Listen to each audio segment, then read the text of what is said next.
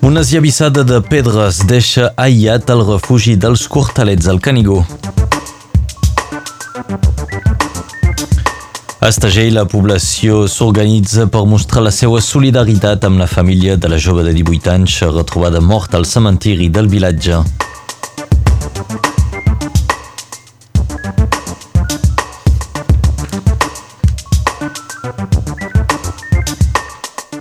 Tornarem avui sobre l'anunci fet per la ministra francesa de la Solidaritat i la Salut, un anunci que consistia en eh, dir que l'homeopatia doncs, ja no seria reembolsada a partir del 2021.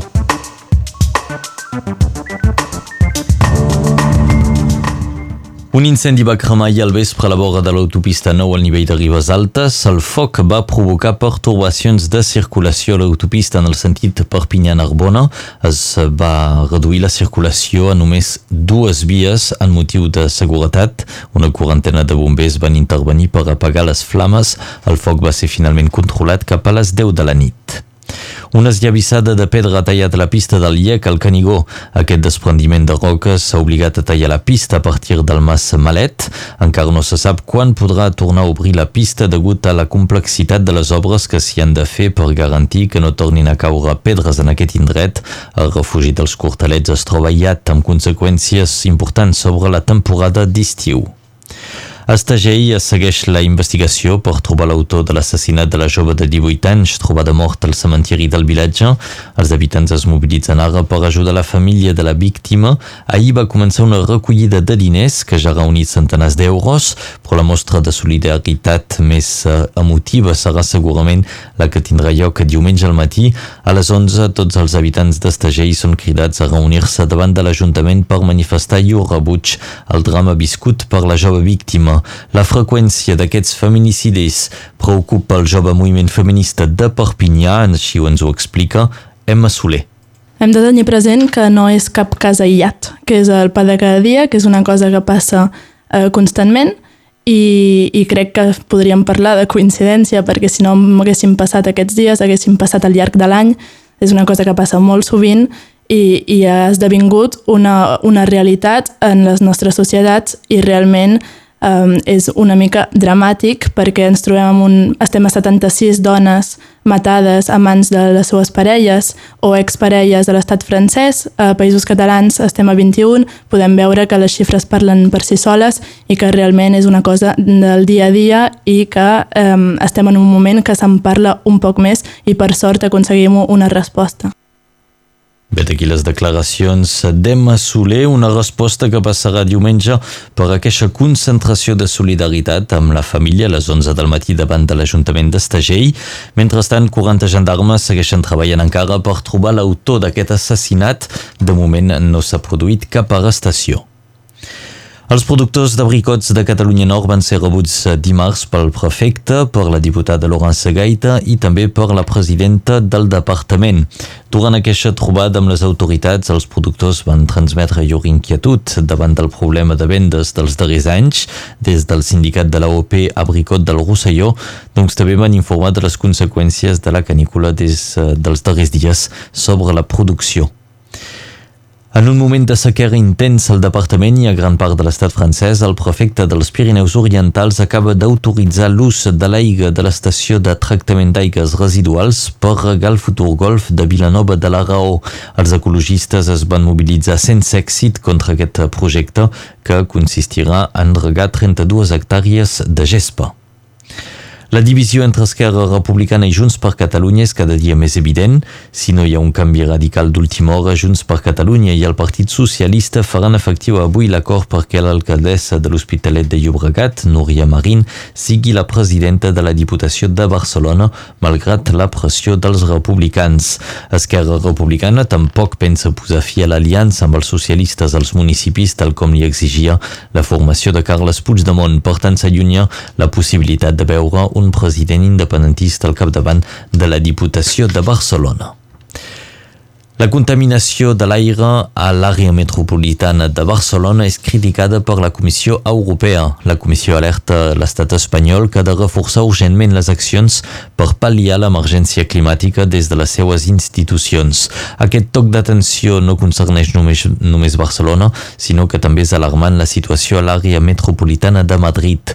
La Comissió Europea ha avisat al Ministeri de la Transició Ecològica espanyol que en aquestes dues zones se superen els límits legals de diòxid de nitrogen, un gas que prové de la combustió de vehicles de motor, de calefaccions i de transport marítim. La ministra francesa de la Solidaritats i de la Salut va anunciar dimarts que els medicaments homeopàtics ja no serien reembolsats a partir del 2021. Més exactament, l'homeopatia passarà a tenir una taxa de reembolsament del 30% a només 15% l'any 2020 i 0% al 2021.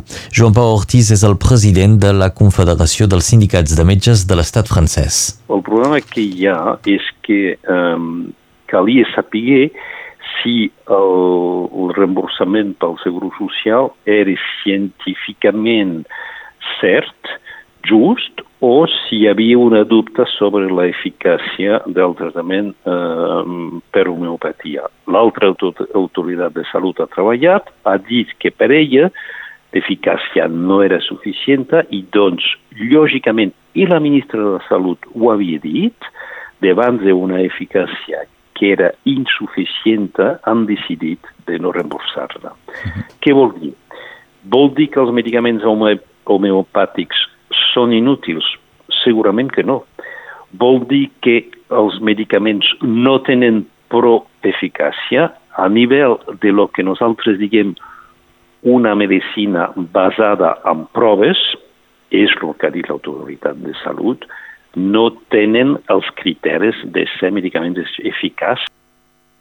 Eren declaracions de Joan Pau Ortiz, president de la Confederació de Sindicats de Metges de l'estat francès, i des de l'anunci de la fi del reembolsament de l'homeopatia laboratori Boiron, el principal productor de medicaments homeopàtics, ha demanat a ser rebut pel president de la República en urgència.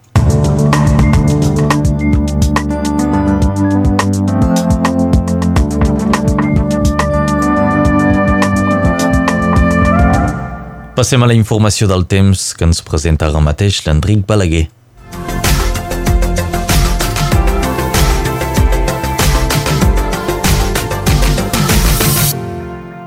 Les temperatures pugen de nou. Els vents seran molt variables segons les comarques. Tramuntana a la plana del Rosselló i el Fenolledès, Gregal, és a dir, nord-est, al Vallespí, Marinada, al Conflent, i de Xaloc a Garbí a Cerdanya, és a dir, vents de sud-oest a sud-est, però sempre seran de baixa intensitat. Pel que fa de les temperatures màximes, tenim 33 a Montpas, Maurí o Montner, 34 a Vives i 28 a Serrallong al Vallespí, 26 a Castell al Conflent i 25 a Cerdanya a Eina. Feia calor també l'any passat, van registrar 34,9 graus a la Llavanera. Qui no es banya pel juliol, no es banya quan vol. Fem una volta a les platges. A Canet, 29 graus, amb una tramuntaneta de 5 km per hora. 29 també al Barcarès, però amb una tramuntana més forta, cap als 20 km per hora. A Caut Lliure, 29 graus amb vents del nord o nord-est. El sol es pondrà a 21 hores i 27 minuts, el crepúscul serà a les 22 hores i el sol serà al zenit a les 3 hores i 53 minuts. Sigueu molt prudents i teniu molta cura de les vostres pells al voltant d'aquesta hora. L'índex UV és de 9 i puja a muntanya fins a 10. L'11 de juliol 1961 a Barcelona s'hi funda l'Omnium Cultural – Recordem que avui fa 632 dies que el seu president, Jordi Cuixart, està empresonat injustament. Avui podeu putonejar les Olgues, és Santa Olga.